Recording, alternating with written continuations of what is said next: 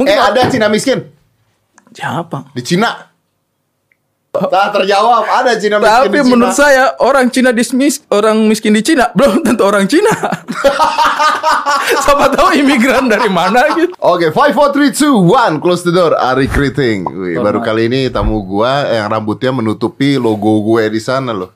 Lu, lu lihat tuh di kamera. Baru kali ini tuh, menutupi logo gua. Saya ini ya beberapa kali menonton tayangan ini, Heeh. podcast ini, itu selalu berpikir, wah itu adalah background yang sangat luar biasa. Saya ingin sekali berada di background itu. Giliran ke sini malah saya tutupin. Itu dia masalahnya. Tapi ini happy sekali saya bisa datang di Tapi sini. tadi gue udah nerangin bahwa gue dari dulu nggak mau ngundang lu karena saya tidak mau mengundang anda ketika anda hidupnya menjadi masalah di mana-mana, berita di mana-mana. Ah, tidak penting itu buat saya. Itu adalah langkah yang sangat baik. Saya sangat tersentuh sekali eh, Bang Dedi ternyata bisa membaca ke arah situ karena menurut saya itu hal yang besar. Ah, iya, thank you, thank you. Thank Karena you, thank you, menurut gua adalah percintaan manusia orang lain bukan urusan gua dan bukan untuk dibesar-besarkan. Jadi gue tuh punya hal yang gini bro. Gue tuh masalah percintaan atau hidup orang gua nggak mau komen. Hmm. Orang yang dicintai temen gua orang yang cintai meninggal gua nggak mau nelpon. Nggak mau nelpon dan gua nggak mau WhatsApp. Hmm, hmm. Karena gue pernah mengalami ketika bokap gue meninggal, gue terganggu sekali dengan WhatsApp dan telepon orang. Jadi kita belum tentu tahu itu apakah mengganggu atau memberikan menunjukkan empati itu bisa jadi kita menunjukkan empati tapi sebenarnya mengganggu untuk Ganggu, orang bro. lain. Kita nggak pernah tahu pernah- perasaannya dia. Tidak ya. pernah tahu karena yang pasti kalau ada orang meninggal, gue akan nanya kenapa, gimana, kok bisa. Dan you know what, you need to explain it again and again dari awal lagi. Ya begini, begini, begini. Ya, gue pada saya handphone gue matiin. Jadi kalau ada teman gue yang orang tuanya meninggal atau siapa pun meninggal, nggak gue telepon, nggak gue WhatsApp sampai gue ketemu.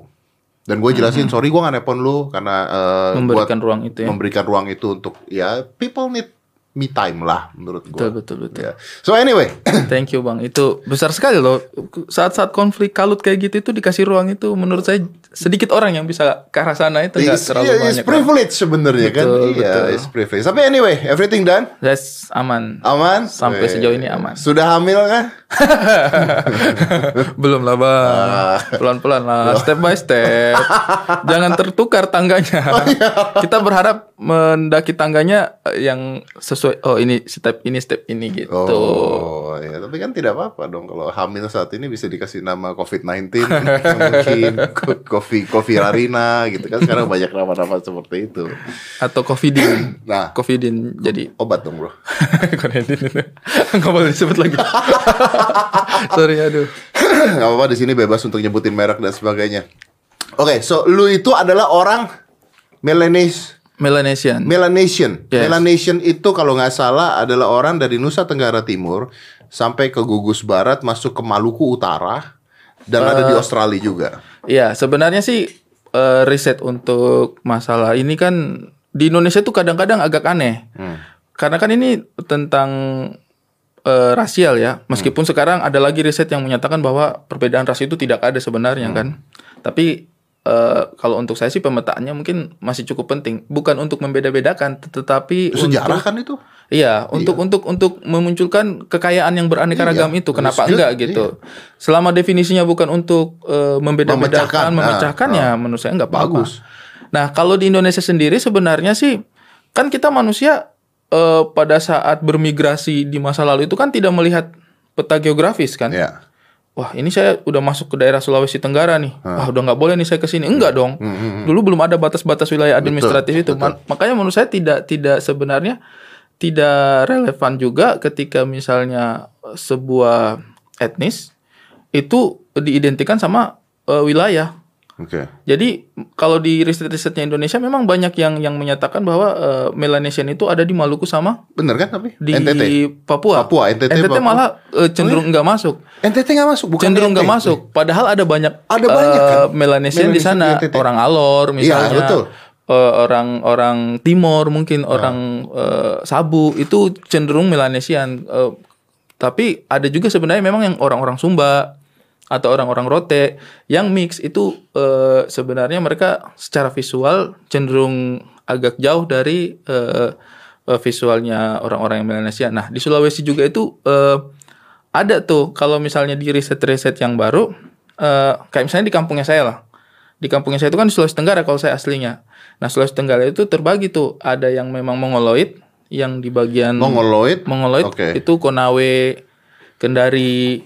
Tapi kemudian ada yang Melanesoid, itu yang di bagian Muna sama Buton, bagian bagian ke selatan. Nah, itu cenderung dihuni oleh eh, etnis-etnis Melanesoid. Meskipun kemudian sudah terjadi banyak percampuran Oh ya pasti. etnik kan. Karena kami kan sebenarnya posisinya memang eh, kayak Maluku Utara, Sulawesi Tenggara, kemudian Banggai di Sulawesi Tengah, kemudian Ambon juga sebenarnya itu cenderung di eh, wilayah transisi kan. Jadi memang percampuran etniknya sih cukup eh, kuat. Tapi kalau untuk saya pribadi sih mendefinisikan dirinya saya sebagai bagian dari Melanesian juga. Bagian dari Melanesian. Oke, oke. Artinya eh, Patimura itu Melanesian kan?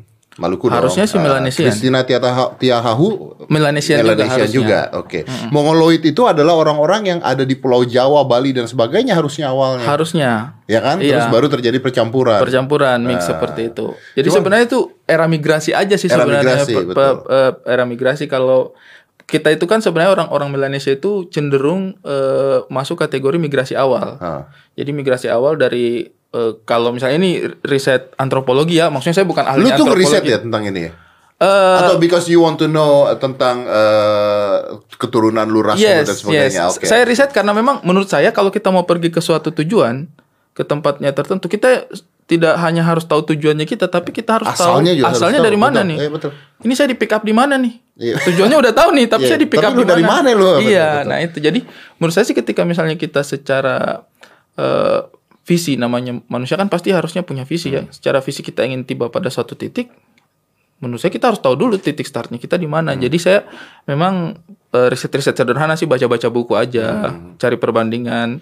eh, kira-kira saya itu tergolong yang mana gitu. Hmm. Apakah benar itu representasi yang saya bawa selama ini gitu.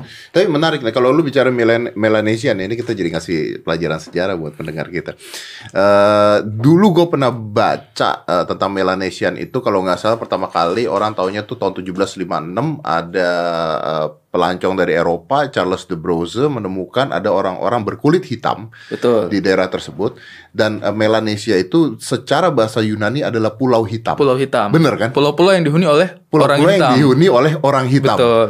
Ah, dan dan mereka punya karakteristik yang berbeda, yaitu mereka bertubuh atletis, Ya. ya kan, Eh, tinggi, besar, kerangka tulang eh, Rahangnya. rahang besar dan bertubuh atletis, berambut keriting. Betul. Itu adalah karakter-karakter Karakter-karakternya. Melanesian. Yes. Ah, oke. Eh, se- sebenarnya kalau kita bicara eh, karakter fisik itu eh, banyak lagi percabangannya setelah saya riset gitu kan. Bahkan yang di teman-teman yang di Papua itu beberapa wilayah itu masuk kategori Pa- Papua Nesoid. Papua Nesoid. Soid. Jadi mereka itu nggak bisa nggak bisa juga terlalu dilebur eh, sebagai Melanesian karena beberapa itu saking khasnya gitu ya teman-teman yang dari Papua itu mereka itu sampai eh, punya kalau yang saya baca ini ya di riset antropologi itu mereka punya punya punya eh, Apa ciri khas kategori sendiri? tersendiri Kategori gitu. tersendiri. punya kategori tersendiri. Tapi mungkin kalau yang teman-teman misalnya di Biak atau di Sorong mungkin Sentani itu masih Masuknya? masih sangat masuk dengan Melanesian, Melanesian. gitu. Oke. Cuma kalau semakin ke ketinggian itu, tapi memang masih satu satu eh, Melanesian gitu, Austronesian, Austronesian juga kan masih satu. Astronesian setelah berlebur dong. Iya, eh, apa ya kayak kerangka besarnya Iya, gitu iya. lah. besarnya. setelah mereka menjadi satu, kerangka Iya. besarnya menjadi Astronesian. Iya. Ya, oke. Jadi ma- masih satu nenek moyang, cuman eh, makin ke bawah kayak sub supras suprasnya gitu kayaknya banyak banget sih kalau saya nggak bisa hafal Berarti satu-satu. penyebutan orang timur itu benar tidak? Kalau menurut saya sih kita mengkategorikan orang timur itu kenapa saya memilih istilah orang timur itu eh, itu lebih kepada definisi budaya.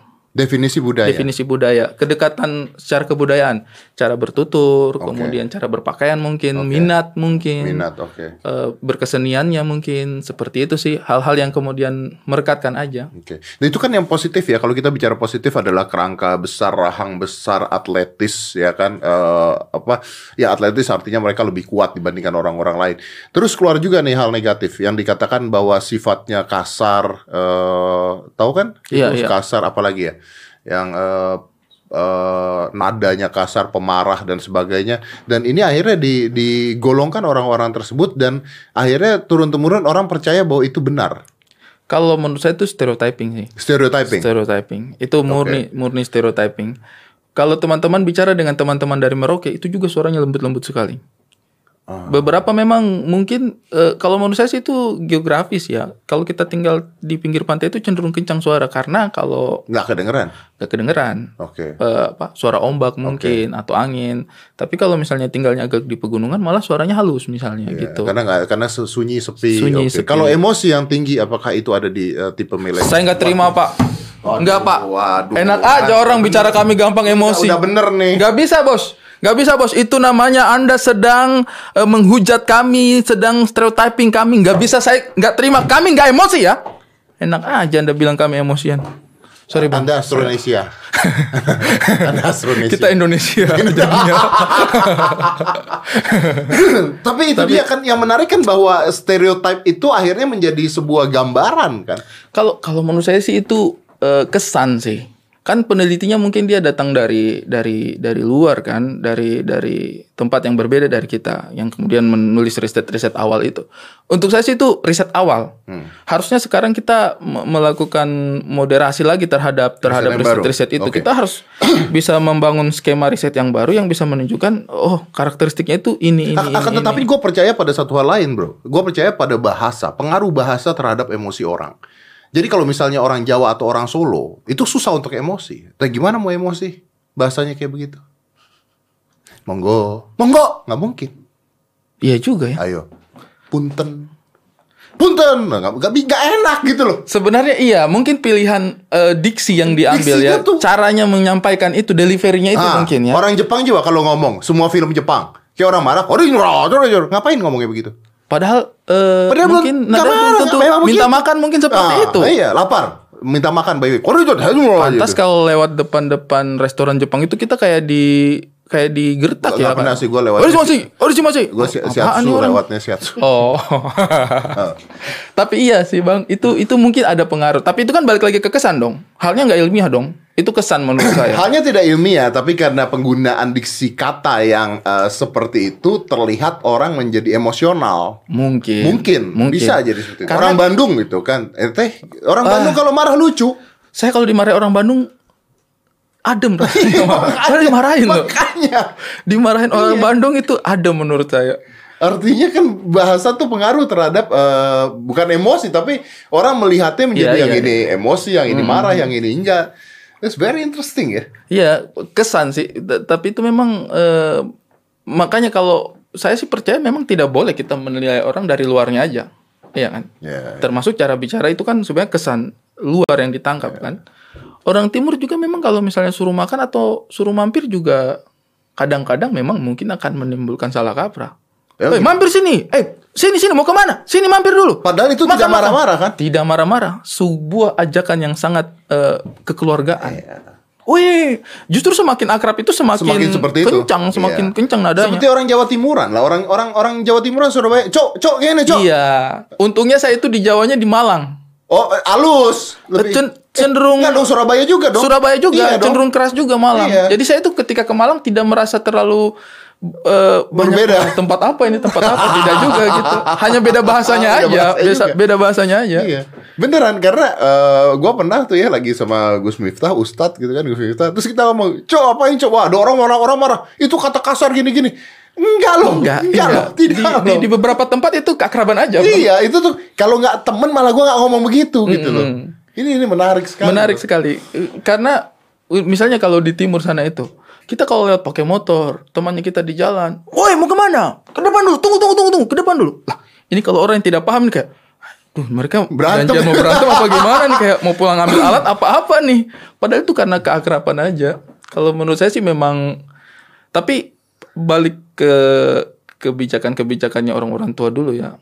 Itulah yang dibilang saya percaya sih di mana bumi dipijak di situ langit dijunjung. Ah, Makanya mungkin menurut saya sih kita itu harus belajar tahu tempat aja. Meskipun saya ibaratnya dari timur, ketika saya ke Jawa atau ke Jakarta atau ke mana, memang saya juga tidak bisa apa Menggunakan- ya, menggunakan itu. Kalau misalnya ada orang salah kaprah karena itu ya, mungkin harus menerima juga bahwa harus, Harus menerima menyadarkan juga. diri juga bahwa memang Betul. budaya yang berbeda tidak bisa menerima Betul. budaya yang berbeda ya. mungkin oke. ketika satu sekali-sekali kelepasan orang salah kaprah bisa kita jelaskan gitu kayak, oh sorry sorry di kampungnya saya memang biasa begitu, Iya. tapi tapi saya tidak ada maksud aneh-aneh gitu misalnya gitu. Iya, iya, iya. Itu sebenarnya harus dilakukan Iya. oleh semua orang. Mem- memahami tempatnya di mana. Memahami gitu. tempatnya di mana. Iya benar sih, memang sih. Dan karakter itu memang dari budaya dari semuanya akhirnya membuat berbeda. Kan kalau Cina dibilang orang-orang dengan keturunan Cina jagonya bisnis, eh, kaya-kaya. Eh, banyak Stereotyping juga itu. Cina-Cina miskin di Indonesia banyak banget. Cuma masalahnya bang, saya saya percaya bahwa eh, Cina itu eh, bisnisnya ulet. Cina miskin. Nah ini nih stereotyping atau memang fakta saya masih karena saya belum pernah ketemu. Sorry nih bos, banyak. saya belum pernah ketemu. Saya bilang mungkin ada, tapi saya belum pernah ketemu teman-teman saya yang Cina pada berkemampuan semua. Yang miskin nggak temenan sama lu kali? Atau lu nggak mau temenan dengan Cina miskin? Belum pernah ketemu. belum pernah ketemu. Makanya saya itu sedang mencari-cari di mana sebenarnya yang dikata-katakan sama orang-orang Cina miskin ini perasaan dari kampungnya saya sampai di sini. Mereka pada punya toko, Ada, pada ada, ada daerah, ada daerah. Coba cek daerahnya. Cek daerahnya. Ada, ada, ada daerah. itu Belum, bahkan ada belum, daerahnya. belum, saya ada, belum coba pernah. cek. Warga eh, Cina. kalau eh, kalau kalau rasnya saya cenderung heterogen memang. Yang baik, yang jahat udah pernah ketemu semua saya. Yang kaya, yang miskin, miskin, udah ketemu saya semua. semua. Tapi untuk etnis Anda saya belum belum menemukan bagian satu tuh. Saya Saya, anggap- percaya ada, tapi di mana ya? Tapi kalaupun anda tidak bisa bertemu pun, saya anggap sebagai sebuah pujian. Karena memang ulet-ulet ya. Tapi saya tuh punya beberapa teman. Eh, mungkin eh, ada Cina miskin siapa? di Cina. Kayaknya sih ada sih pasti. Mereka kan pasti punya riset angka kemiskinan dong. Gak mungkin gak ada dong. Pasti ada ya. Ayo, karena Oh iya sih itu ada. ada tidak? Ada. Nah, tak terjawab. Ada Cina miskin Tapi di Cina. menurut saya orang Cina dismis orang miskin di Cina belum tentu orang Cina. Siapa tahu imigran dari mana gitu. Tinggal di Cina jadi Oh, miskin. keturunan Tionghoa di kawasan Tangerang dikenal dengan Cina Banteng, tinggal di sepanjang pinggiran Kali Cisadane. Banyak dari mereka hidup dalam kemiskinan. Bagaimana mereka merayakan Imlek? Ada. Miskin-miskin merayakan. Standar kemiskinannya beda nih. Di kami kalau udah miskin udah nggak merayakan apa-apa udah kayak Udah- "Wah, udah miskin hidup gitu ya." Susah banget hidup nih. Gua tahu tuh bagi-bagi angpau kan. Saya tahu merayakan Imlek itu pasti bagi-bagi angpau. Ada apa orang Cina miskin bagi-bagi angpau? Nggak mungkin, Bro. Miskin mungkin di kalangan mereka kategori mereka ini segini udah miskin banget. Kalau lu nggak miskin, angpau lu seratus ribu, miskin lima puluh ribu, tetap bagi-bagi Tetap angpau. bagi-bagi ampau, benar benar. Tetap bagi-bagi Ya, ampau. ini ini menurut saya adalah eh, bias ini harus disamakan dulu definisinya nih. Karena Miskin di kalian itu sama nggak dengan miskin di kami ini? Tar dulu nih bro. kalau kalau gue mau keluar kata mungkin miskinnya di kita kayaknya di kalian. mungkin mungkin kita nggak pernah tahu. Tapi kita nanti kita- udah bahagia banget, udah menengah bang, udah menengah banget ini hidup gue nih. Padahal mungkin kalau ketemu dengan orang-orang dari Cina, ah kok kamu biasa aja ya. Bisa jadi loh kita tidak pernah tahu ini. Harus ada standar yang jelas ya. Jangan terlalu gampang. Karena karena untuk saya pribadi eh, secara pertemanan belum pernah ketemu belum pernah ketemu yang kayak Anda milih-milih teman. Enggak pak. Bagaimana ceritanya saya memilih-milih teman? Mungkin teman yang milih-milih saya mungkin. Iya sih, Kayak nggak mau terjadi. Iya. berteman sama orang itu. Tapi kalau saya tuh belum menemukan. Saya sudah ke mana-mana tapi belum menemukan. Mohon maaf nih ini, ini Masa gue harus miskin dulu? sih? pengalaman pribadi nih. Apalagi anda nggak mungkin. Kalau anda masuk kategori miskin, menangis saya pak. ya Allah, gini segini nih. Miskin nih. Miskin masih belum mampu nih yang segini nih. Ya itu. Tapi mungkin bro, yang namanya pendatang itu lebih ulet biasanya. bisa bisa jadi, Iya dong. bisa mungkin. Minoritas dan pendatang akan lebih ulet karena minoritas itu banyak tekanan. Nah, tapi itu sebenarnya adalah istilah yang mau saya gugat juga. Nah silakan Pendatang dengan minoritas. men- orang asli itu, menurut saya kayak pada akhirnya kita itu semua datang tahu ke tempat ini. Iya memang sih orang Indonesia tuh semuanya juga begitu. Iya, pada akhirnya- campuran-campuran juga. Iya. Pada akhirnya kita itu akhirnya datang di di, di tempat ini. Ya gitu. yang bener-bener orang Indonesia tuh suku mana ya? Ada nggak ya? Indonesia tuh. Coba dicari. Gue ini pelajaran sejarah kita goblok ya. Kalau mau bicara Ya, yang kalau- kalau tua, talking Melanesian. Melanesian. Kal- Kalau mau bicara yang paling awal eh, mendiami, yang sampai saat ini masih ada. Ah. Kalau kalau etnis-etnis lain kan mungkin memang ada dulu gitu ya. Tapi yang secara turun temurun masih ada Melanesian. Ya tapi itu gugus pulau kan masalahnya. Berarti kan tidak ah, belum tentu eh, Melanesian duluan yang ada di Indonesia kan? Ka- Kalau menurut menurut ya maksudnya saya ini bukan itu sih saya tuh nggak sekolah antropologi jadi nggak berani nggak berani, berani ngomong, ngomong ya, gitu itu takut salah. salah gitu kan, ya so bener. tahu lu So ya kan tahu lu, memang so tahu bos karena memang kami nggak studinya tahu. di situ gitu tapi kalau yang saya yang saya baca sih memang memang eh, cenderung yang mendiami awal di Indonesia itu Melanesian Oke. karena eh, peninggalan-peninggalan lainnya itu kan masih zaman-zamannya manusia purba yang Homo pithecanthropus, pithecanthropus Homo wajakensis, Ya, Homo eh, mojokertensis itu memang di tanah Jawa tapi eh, konteksnya manusia purba. Tapi kalau yang hari ini Melanesian. masih punya peradaban, menurut saya Melanesian. Bisa jadi, bisa jadi. Coba kita lihat. Berdasarkan pernyataan Ibu Herawati Sudoyo selaku Deputi Bidang Penelitian, kita semua bersaudara dan tidak ada darah yang murni.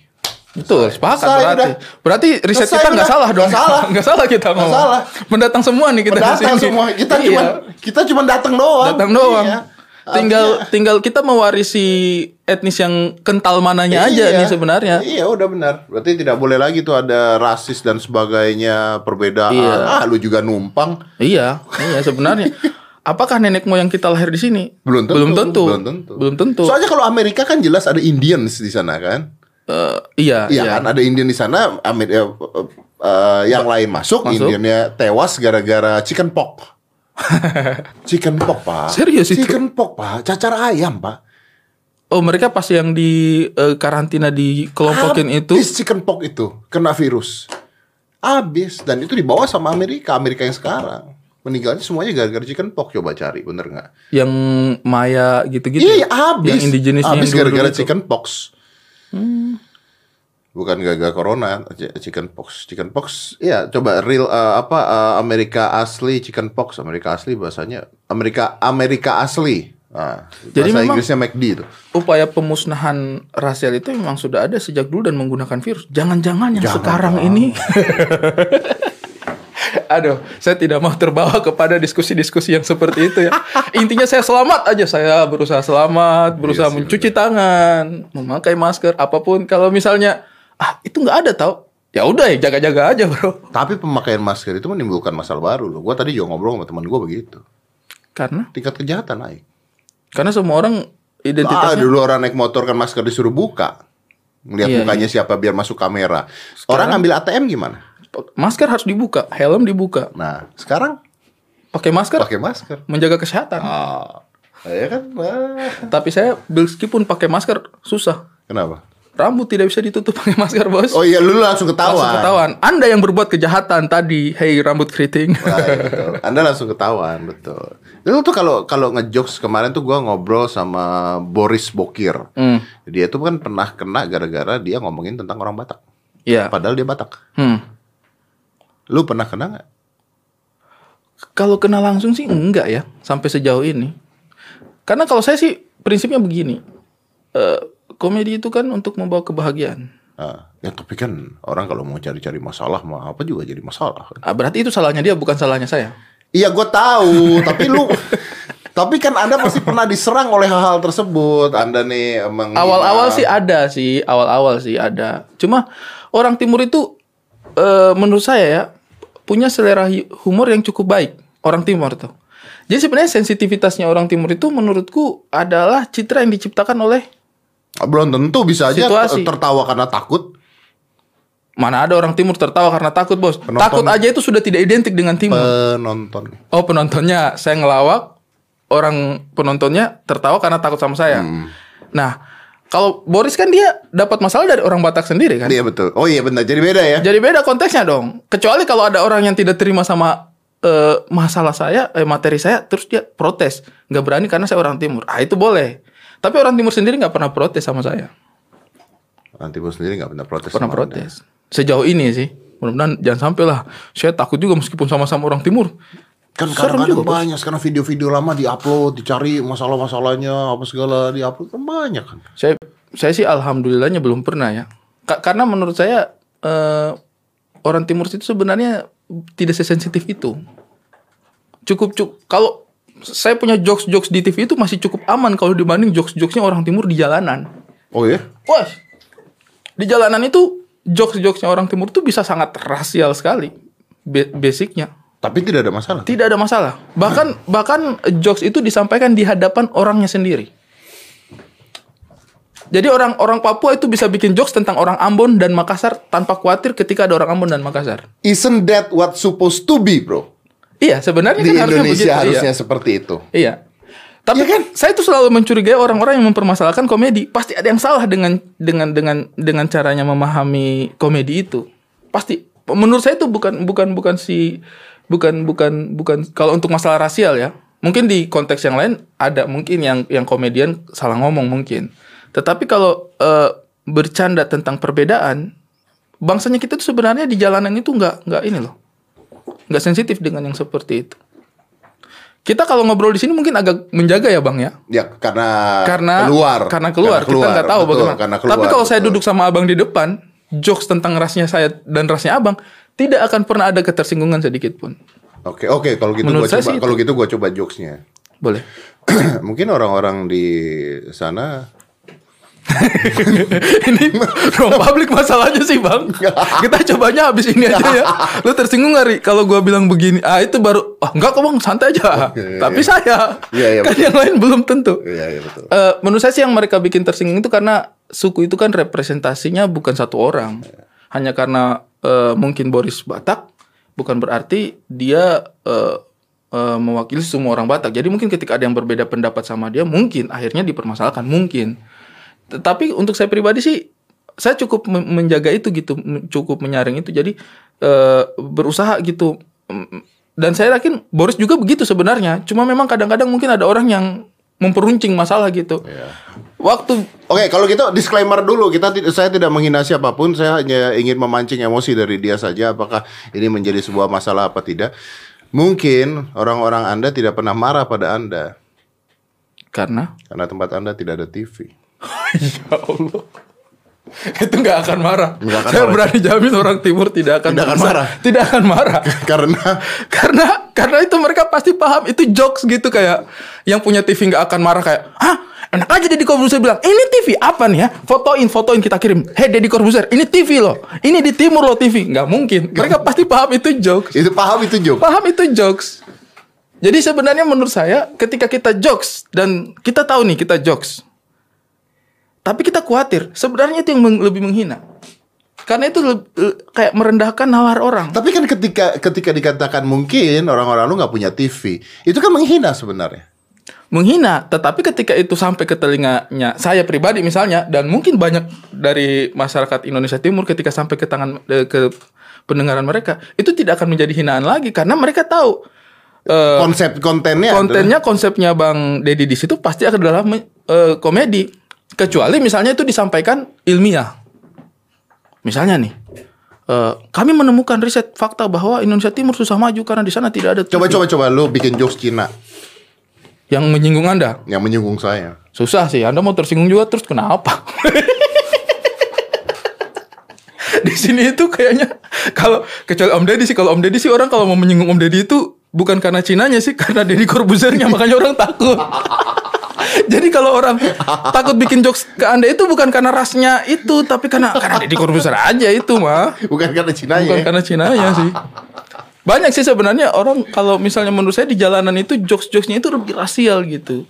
Tapi kenapa orang bisa bisa bisa Menerima. menerima aja? Karena karena menurut saya mereka paham gitu. Cuman kan ini kalau ini kan sebenarnya sekarang lebih parah dong, bro. Kalau dulu kan sebenarnya ini nggak ada masalah. Aduh, gua kecil aja bercanda-bercandanya Cina, nama bapak dibawa-bawa, nggak ada Hmm, ribut tuh nggak ada ada yang begitu. ribut. Artinya kan peran sosial media ini juga bermasalah, ya kan orang lebih sensitif, Gampang terprovokasi. gampang terprovokasi. Yang dulu tidak, sekarang gampang terprovokasi.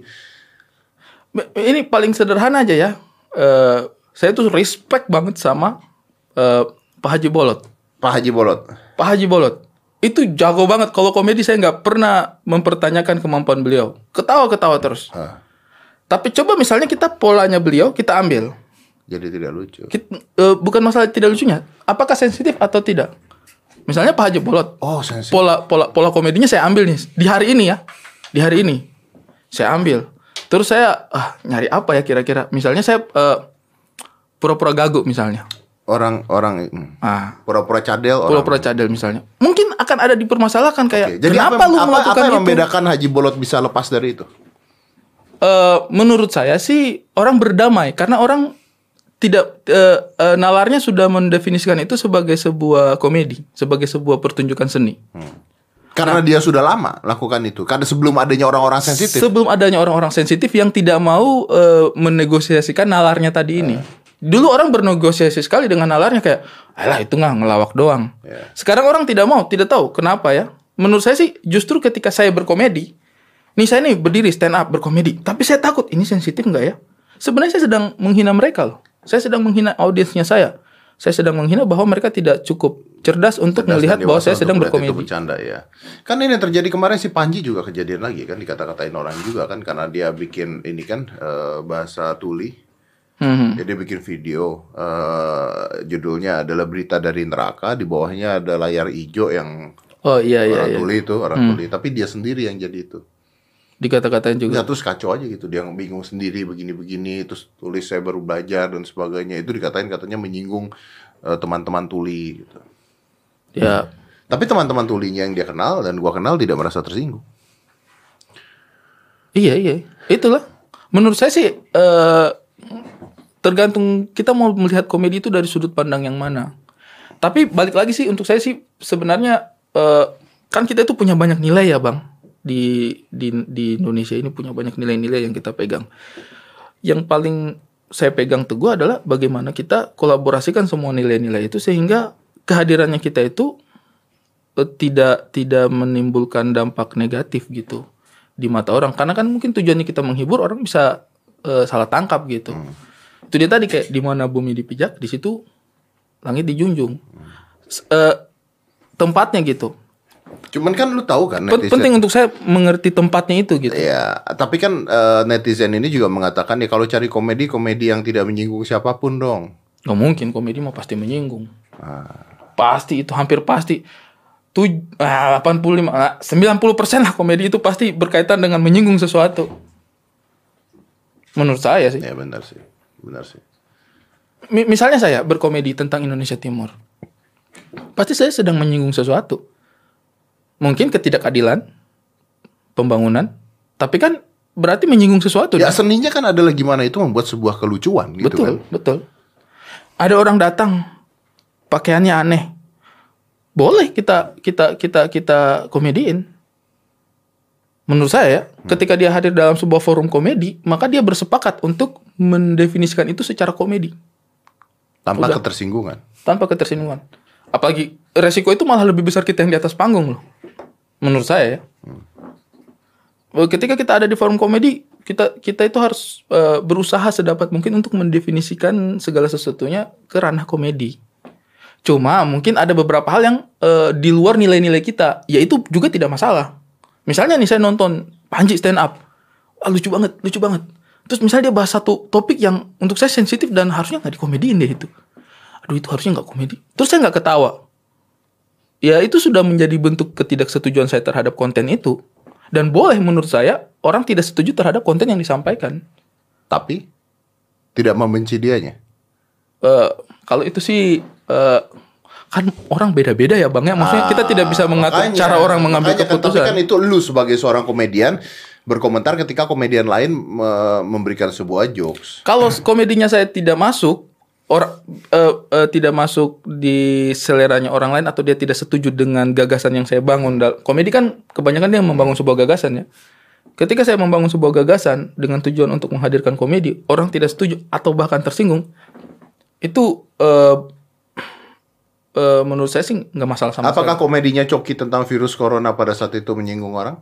Kalau menurut saya sih itu tempat ruangnya yang Salah. ruangnya yang ruang yang kemudian eh, nggak salah juga sih tapi ruangnya yang berpotensi menghadirkan eh, reaksi yang seperti itu kalau yang saya yang saya lihat itu kan orang bereaksi terhadap eh, apa yang diberikan gitu yang terhadap yang terjadi sama saudaranya saya Coki itu eh, menurut saya adalah reaksi reaksi dari orang-orang nah ketika dia taruh itu misalnya di ruang publik seperti Twitter maka reaksinya akan terlihat di Twitter. Apakah Coki salah? Belum tentu.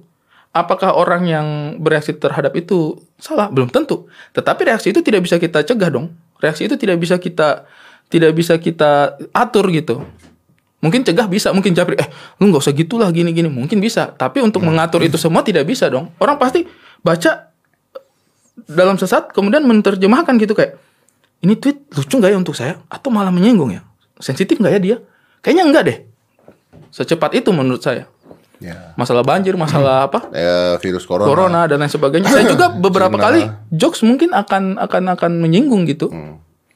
Dulu juga ada teman-teman yang bikin bikin bikin jokes tentang ketika terjadi ledakan bom kan yang kami tidak Iya. takut. Kemudian dijadiin jokes. Kan juga beberapa korban malah mengkritisi gitu kayak enak sekali kalian bilang kami tidak takut tentang teror ini tapi Padahal itu bukan jokes ya. Iya. Padahal itu adalah semangat kan. Iya semangat, tapi kemudian beberapa eh, berusaha menghadirkan komedi agar supaya eh, terornya itu gagal gitu. Tapi kan sebenarnya beberapa orang yang mungkin pernah menjadi korban atau bagian dari itu Tersinggung. tersinggung gitu kayak enggak bro, ketika itu terjadi lu takut gitu. Nah itu mungkin menurut saya ya. Nah jadi menurut saya itu tempatnya aja. Ketika misalnya apakah jokes itu lucu? Lucu banget menurut saya. Ketika misalnya saya datang ke dalam sebuah forum, kemudian saudaranya saya Coki memajukan jokes itu di atas panggung, mungkin saya akan ketawa ngakak banget. Tapi ketika itu misalnya tempatnya bukan di forum komedi, di forum umum seperti Twitter, Artinya banyak orang yang melihat. Yes. Oke. Dan belum tentu mereka sedang mencari komedi. Belum tentu. Jadi ketika itu hadir, mungkin sensitivitasnya yang naik gitu kayak Berarti apa pun ketika tempatnya eh, tepat bisa dijadikan sebuah komedi. Termasuk agama. termasuk agama. Nah, Jokes-jokes agama saya, jokes jokes rasial saya banyak banget. Dan dan dan itu saya bisa bawakan dengan tenang. Beberapa acaranya Majelis Lucu Indonesia dulu-dulu juga awal-awal itu kan saya Ya bawa- tapi pada saat di confess juga kan gua gua bareng sama Panji sama Er- eh, Panji sama Ernest eh iya sama Ajis 2000. Wah, itu agama dijadikan komedi yang luar biasa. Mereka ngerosting agama gua, gua balas ngerosting agama tapi tidak ada yang tersinggung di sana. Karena orang sudah siap. siap. Forumnya benar. Forumnya sudah siap. Tempatnya Dan orang benar. tahu bahwa kita ini nggak beneran loh yang Betul. ngeledek ya. Kita ini Yes. cuman lucu-lucuan. Yes. Eh, Walaupun ada orang yang akan mengatakan bahwa agama jangan dijadikan lucu-lucuan. Nah, ya, betul. Tapi tempatnya, ya kan? Dan dan saya rasa orang-orang yang mendefinisikan agama bukan untuk lucu-lucuan, mungkin tidak akan memilih datang ke tempat itu karena tidak sesuai dengan eh, karena tidak sesuai dengan eh, hati nuraninya dia, nilai-nilai yang dia pegang. Itu aja sih. Tapi dulu ada buku jokes tentang agama. Cara ketawa, mati ketawa cara Muslim, mati ketawa cara Katolik, mati ketawa cara Israel, Yahudi itu ada bukunya dulu dan orang tidak ada masalah. Karena menurut saya membeli buku itu ada persetujuannya, Pak. Sama seperti kita membeli tiket pertunjukan. Jadi ada komitmen. Ketika I- saya, gua nggak- ketika I, saya I, I, I don't agree with you. Gua nggak setuju kalau ini sama lu. Karena gue yakin kalau itu buku dikeluarin lagi pasti ada yang nuntut. Kok anda menjelekkan agama saya? ini zaman lagi aneh sih emang. Ya, iya kan. ini zamannya Iya lagi aneh. Tadi kan kita ngobrol di luar kayak gitu. Kenapa ya Ria begini Iya begini? Iya Bang, saya setuju sama Abang. Ini emang zamannya Iya. eh, menurut saya karena memang mungkin sosial media. Mungkin zaman dulu yang nggak setuju sama buku Dia itu bisa ada. apa-apa. Ada, tapi suaranya nggak suaranya nggak kedengeran. Itulah dia kenapa Warkop Bajai Bajuri bisa ngelucuin agama, bisa ngelucuin Betul. ras, bisa ngelucuin apa pun. Ada tuh yang tersinggung. Jangan bilang nggak ada yang tersinggung. Ada. Tapi dia mau ngapain juga? Suaranya lewat mana juga nggak ada. Sekarang tuh suara-suara kebencian itu jadi gampang bertemu. Menurut saya. Jadi misalnya ada yang benci saya di Sulawesi, dia naikkan di sosial media. Yang benci saya di Sumatera bisa lihat, wah bener nih. Harinya harinya itu orangnya apa eh, aneh itu jangan didengerin tuh orang. Ah, kebencian-kebencian yang kemudian saling bertemu di sosial media ini yang kemudian menjadikan itu eh, besar sekarang. Kalau dulu mungkin belum ada sosial media, dia benci tapi ya di lingkungan sekitarnya aja. Mau sekuat apa dia meyakinkan semua orang untuk benci sebuah karya seni? Belum tentu semua orang sepakat sama dia kan? Betul, tapi memang gitu ya. Sekarang kita tuh kita tuh masuk ke dalam sebuah momen di mana ketika kita berbuat sesuatu atau mau baik atau mau buruk dan sebagainya orang menjudge itu udah pasti. Ti- Tidak bisa tidak. Hmm. Gua kemarin baru aja walaupun nggak gede sih kalau ini, gua tuh bikin video tentang eh eh, almarhum Didi Kempot. Hmm. buat di podcast gitu. Jadi almarhum Didi Kempot itu gue buat di podcast. Judulnya gue memang apa agama beliau gitu. Wah terus banyak orang yang protes. Termasuk ada orang-orang yang gue kenal juga protes. eh, eh, kok bisa ya orang baru meninggal dibikin konten seperti ini. Padahal di judulnya sudah gue tulis ini atas keinginan istri beliau. Karena pada saat itu istri beliau itu dipertanyakan terus apa sih agamanya apa sih agamanya dan media tuh ke mana-mana larinya makanya dengan persetujuan istri beliau gua ngasih tahu apa sih yang sebenarnya terjadi dengan uh, Didi Kempot supaya ini masuk ke orang-orang oke ini yang sebenarnya karena dari istrinya beliau dan istrinya beliau terima kasih gitu sebenarnya dan itu sudah melalui persetujuan dan izin dan permintaan gitu tapi tetap orang tidak melihat itu video. Orang hanya melihat gue bikin video, judulnya itu, wah lu gila ya bikin video kayak begitu ya. They don't even watch the video and they judge. There's a lot of people now doing that gitu loh. Hmm. Gak perlu ngeliat dulu. Itu kan yang terjadi dengan hoax-hoax berita-berita yang keluar. Akhirnya orang cuma baca judul judulnya doang, udah kan langsung menafsirkan sendiri kan. Bro, pada saat masalah lu sama bini lu dulu kan kalau gue lihat banyak berita bahwa kami Aduh. ditolak karena beda agama gitu. Gua, tadi aja kan sampai gue tanya iya. kan, emang lu beda agama beneran apa gimana? Nah, iya iya.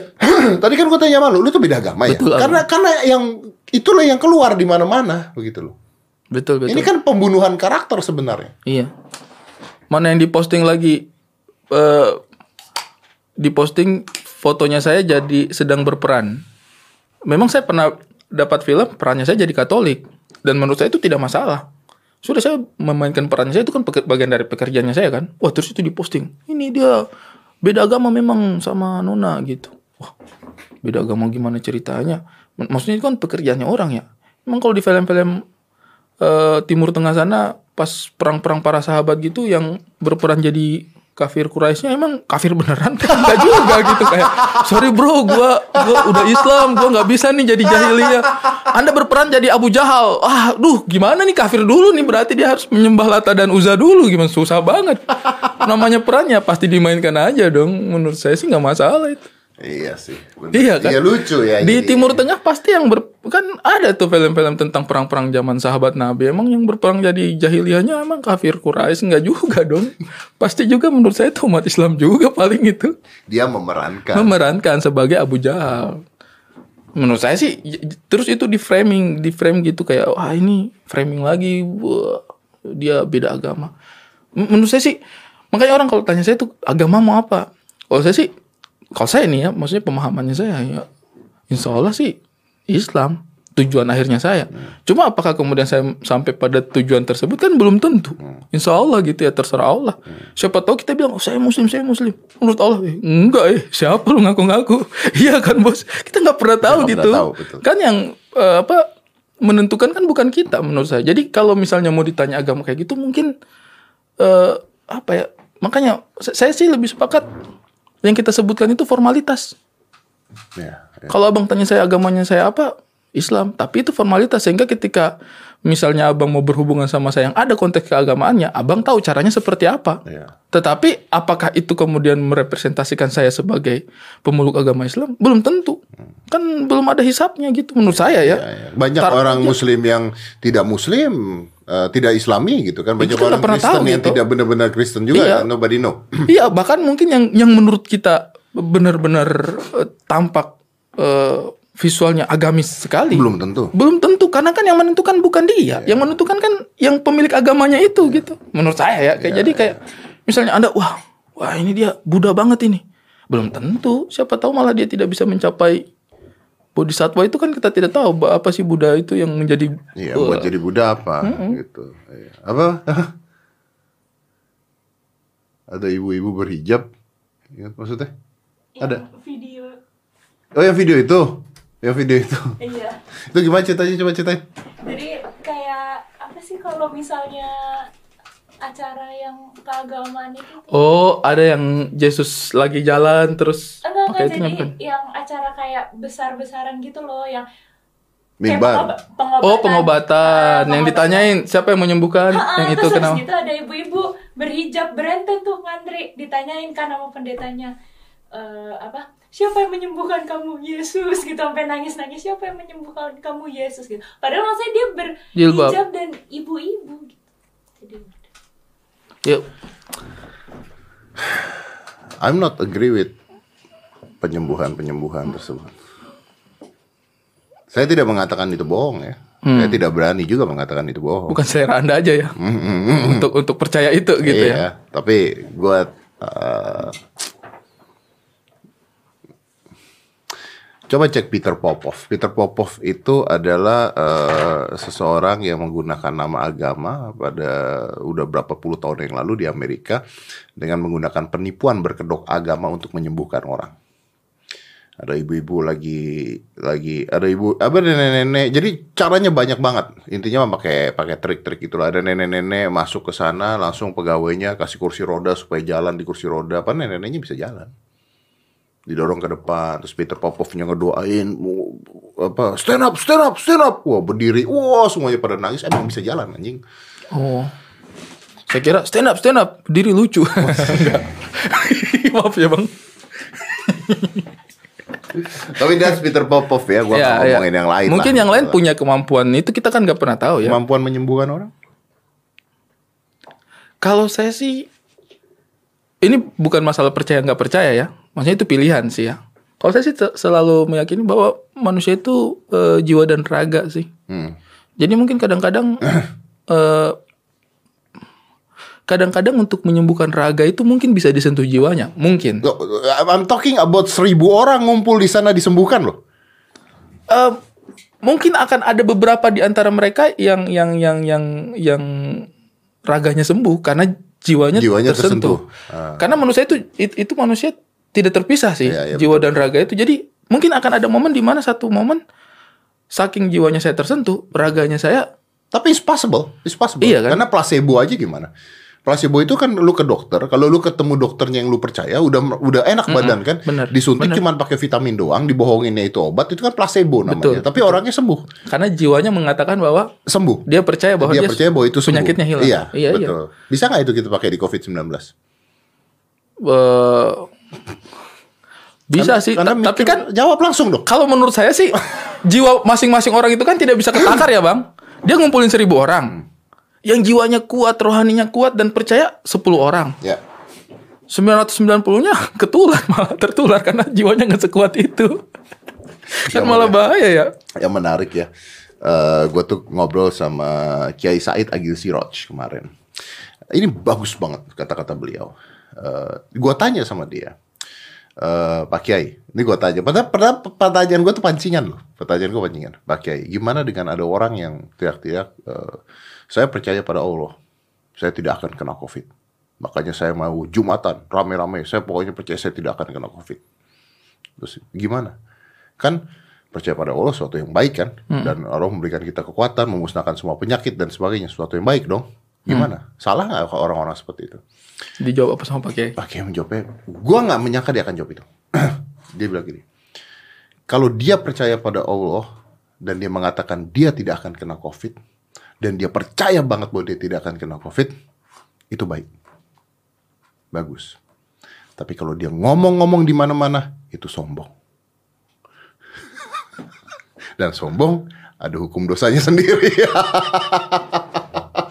Jadi Betul. intinya kalau lu percaya ya udah nggak apa-apa. Tapi nggak usah ngomong-ngomong ke orang-orang terus suruh orang-orang juga Keluar-keluar seperti kayak lu. Iya. iya iya iya iya. Iya.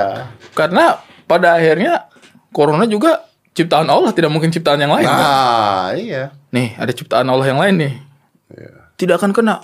Ya, nggak tahu. Nggak tahu. Orang itu ciptaan Allah juga. Ya, bener sih. Makanya gua gua tidak menggunakan kata prajurit Allah, tapi menyi- meng, gua akan menggunakan rahasia Allah. Wih, sedap. Bang, ini langsung kayaknya tingkat apa eh, agama Anda itu lebih tinggi dari saya sekarang. ya. Oh, saya berusaha menyalip, Pak. Padahal saya dari lahir loh.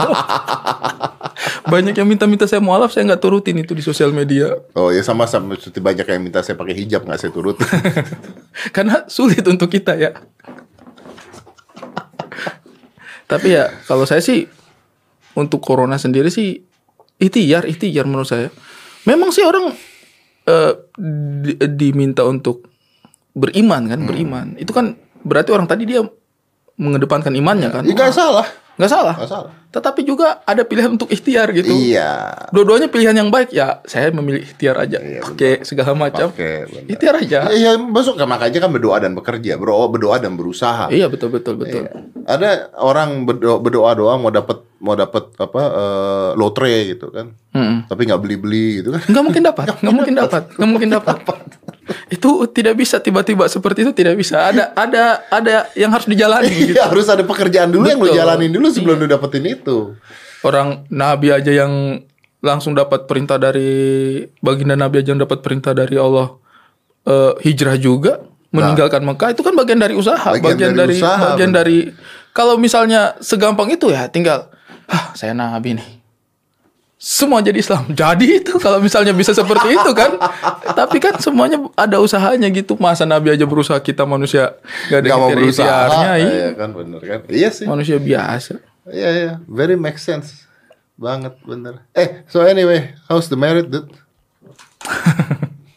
kan udah bebas kan? Belum, belum, belum. Eh? Belum belum ke arah sana sih, belum. Belum? Belum. Masih berusaha. Loh, bukannya udah beres masalah lu? Eh, iya, tapi maksudnya kita masih masih masih belum selesai, belum 100%. Oh, belum 100%. Belum 100%. Oh. Salah paham yang kemarin sudah Udah dilurusin, beres, iya. oke. Tetapi untuk Berarti sekarang ikhtiar doang, eh, tinggal ikhtiarnya doang. ikhtiar lagi, ikhtiar lagi. Ikhtiar lagi. Makanya kan saya bilang tadi eh, anak tangganya kan ada banyak nih step-stepnya. Mungkin baru satu step. Masih ada banyak nih yang lain nih. Tapi cinta yang sulit didapatkan biasanya lebih bertahan lama. Wih, Kalau kita sih berdoanya begini bang, mending badannya datang di awal. Oh, bang. Iya enggak sih? Daripada awalnya wah Lu nyindir teduh. apa apa? Enggak bang. Uh ini ada abang-abang tadi depan ngasih tahu saya begitu. Jangan salahin saya bang. Oh, bukan lu Bukan saya. Uih, ih, bukan saya. Ada abang-abang tadi. Oh, ada tahu, Bagus itu Mas Ari. Mending insya Allah badannya datang di awal. Biar nanti setelah itu teduh. Iya teduh. Nggak saya ngasih tahu gini. Kalau abang pengalamannya beda bukan salah saya Bukan dong. salah lo ya ya ya. Bukan Gua- salah saya bos. Gua hanya ini aja netizen Indonesia sensitif gua. Bertanya aja ya. Bertanya aja. sekadar mengingatkan. Sekadar- kuncinya kunci kata kuncinya netizen sekarang itu untuk menghujat sekadar mengingatkan kayak Oh, gitu. ya udah mengingatkan diri anda aja tidak perlu saya diingatkan gitu. gitu. Ya tapi ya inilah gue punya pengalaman. Gue actually gue punya cerita pengalaman. Gue punya temen SMA. Temen SMA itu kakaknya itu tidak disetujui nikah. Hmm. Cowok dan ceweknya lah gitu. Wah, gue gua ngelihat sendiri cowoknya datang dilempar botol sama ibunya. Cowoknya datang lempar botol sama ibunya. Hmm. Lima tahun setelah itu, lima tahun setelah itu ibunya gendong anaknya dengan kasih sayang, sayang banget sama eh, apa namanya eh, apa besannya, pokoknya begitu, and is happy. Gua melihat pengalaman itu sendiri, so I think nggak usah khawatir lah tentang seperti gitu. Sama sih bang. Saya juga percaya kan sudah di diingatkan pada kita juga bahwa segala sesuatunya itu kan tergantung niatnya. Nih, oh niatnya baik ya. Kalau niatnya baik, insya Allah jalannya baik. Ya, benar. Kalau misalnya eh kita itu kan sebenarnya ya balik lagi ikhtiar tadi itu hanya usaha aja ini semuanya hanya usaha aja. Kalau misalnya di ujung jalannya tidak seperti yang kita Harapkan harapkan rencanakan ya usaha lagi, usaha lagi. usaha lagi, Yang tadi berarti memang jalannya segitu aja. usaha lagi, Hmm. bisa. Eh, apa sih yang tidak bisa dilakukan? Kalau punya ikhtiar, punya keinginan, punya goals dan punya niat yang baik, Hmm. bisa. Yang penting kan semuanya itu kita definisikan jadi rejeki kalau untuk saya pribadi. Oh berarti rezekinya saya seperti orang tuanya saya di kampung, orang-orang tuanya kami itu selalu istilahnya itu ketika ada musibah ataupun ada kebaikan itu pasti orang Wakatobi itu bilangnya oh terajaki nomo. Oh, apa itu? Udah rezekinya dia Udah tuh. rezekinya oh dia. terajaki nomo. Jadi meskipun misalnya, misalnya nih kita kecelakaan di jalan, Hmm. oh terajaki nomo nah tuh. Oke orang Jawa ya. Rezekinya segitu tuh. Kalau orang Jawa, oh masih untung gini. gitu. Hmm. Jadi mendefinisikan sesuatu sebagai rezeki kita itu ya ya Beda-beda. menguatkan hati untuk saya sih. Ketika pun misalnya hubungannya saya sulit, berarti memang rezekinya saya segitu. Saya saya diberi diberi tantangan seperti itu mungkin eh, karena saya dituntut untuk bisa menjawab tantangan sebesar itu. Ya, ya. Ya kayak kayak kayak matematika aja mungkin. Ketika misalnya kita dihadapkan sebuah tes yang isinya satu tambah satu, mungkin gampang gitu kita ketawa-ketawa ngisinya. Tapi mungkin memang ya ujiannya segitu aja gitu. Tapi ketika misalnya kita dihadapkan dengan apa, eh, sistem penjumlahan perkalian pembagian yang jauh lebih rumit, sistem apalah gitu, aljabar apalah gitu, mungkin kita ketika mengerjakannya mungkin sulit, tapi ketika itu selesai mungkin hasilnya kita akan lebih ya saya bisa nih mengerjakan sampai segini sini. nih gitu. Ya sih. Untuk saya sih gitu aja sih bang. Ya. Rezekinya saya ya sekarang segitu gitu. Ya, tapi eh entahlah ini akan berdampak apa tidak. Tapi gua I'm always uh, salute you. Gua nonton lu di TV dan uh, gua kayaknya pernah ketemu lu juga dua kali. Uh, I don't know you remember that or not karena gua juga lupa. Nggak mungkin ya berarti. Kita ketemu banyak orang sih bang. Ya udah nggak apa-apa. Saya kalau orang lupa ketemu saya ya nggak apa-apa gitu. Tapi eh gua salut sih sama lu sama perjuangan lu dan sebagainya luar biasa. Lu bisa nyontohin sesuatu yang luar biasa dalam kasus apa pun ya, dalam kehidupan lu, kerja lu dan sebagainya, kisah cinta itu termasuk perjuangan. I I, I believe it's good gitu. Maksud gua tidak pernah ada masalah dan gua gua berharap itu berjalan dengan baik. Gua gua bisa ngasih doa doang. Mudah-mudahan terbaik buat lu dan Tante, ini orang luar biasa, penuh perjuangan, Ah bos bos jangan. penuh perjuangan, pantang menyerah. Jadi tolong ditekan lebih keras. saya kira saya mau dibelain ya. Ya Allah, itu adalah motivasi yang kuat. Baik, Bang. Dedi, Bang Dedi. Oke, Baik. terima kasih. Kita didukung Bang Dedi sekarang. Mari kita larang dia bertemu. Tapi nggak apa-apa sih. Kalau saya itu ya nggak masalah. Maksudnya tujuannya baik itu Tujuannya aja. baik, ya, ya, ya. Tujuannya baik. Tapi I believe that love will find a way. Ya, kayaknya saya pernah dengar di mana itu ya. Five, four, three, two, one, close the door.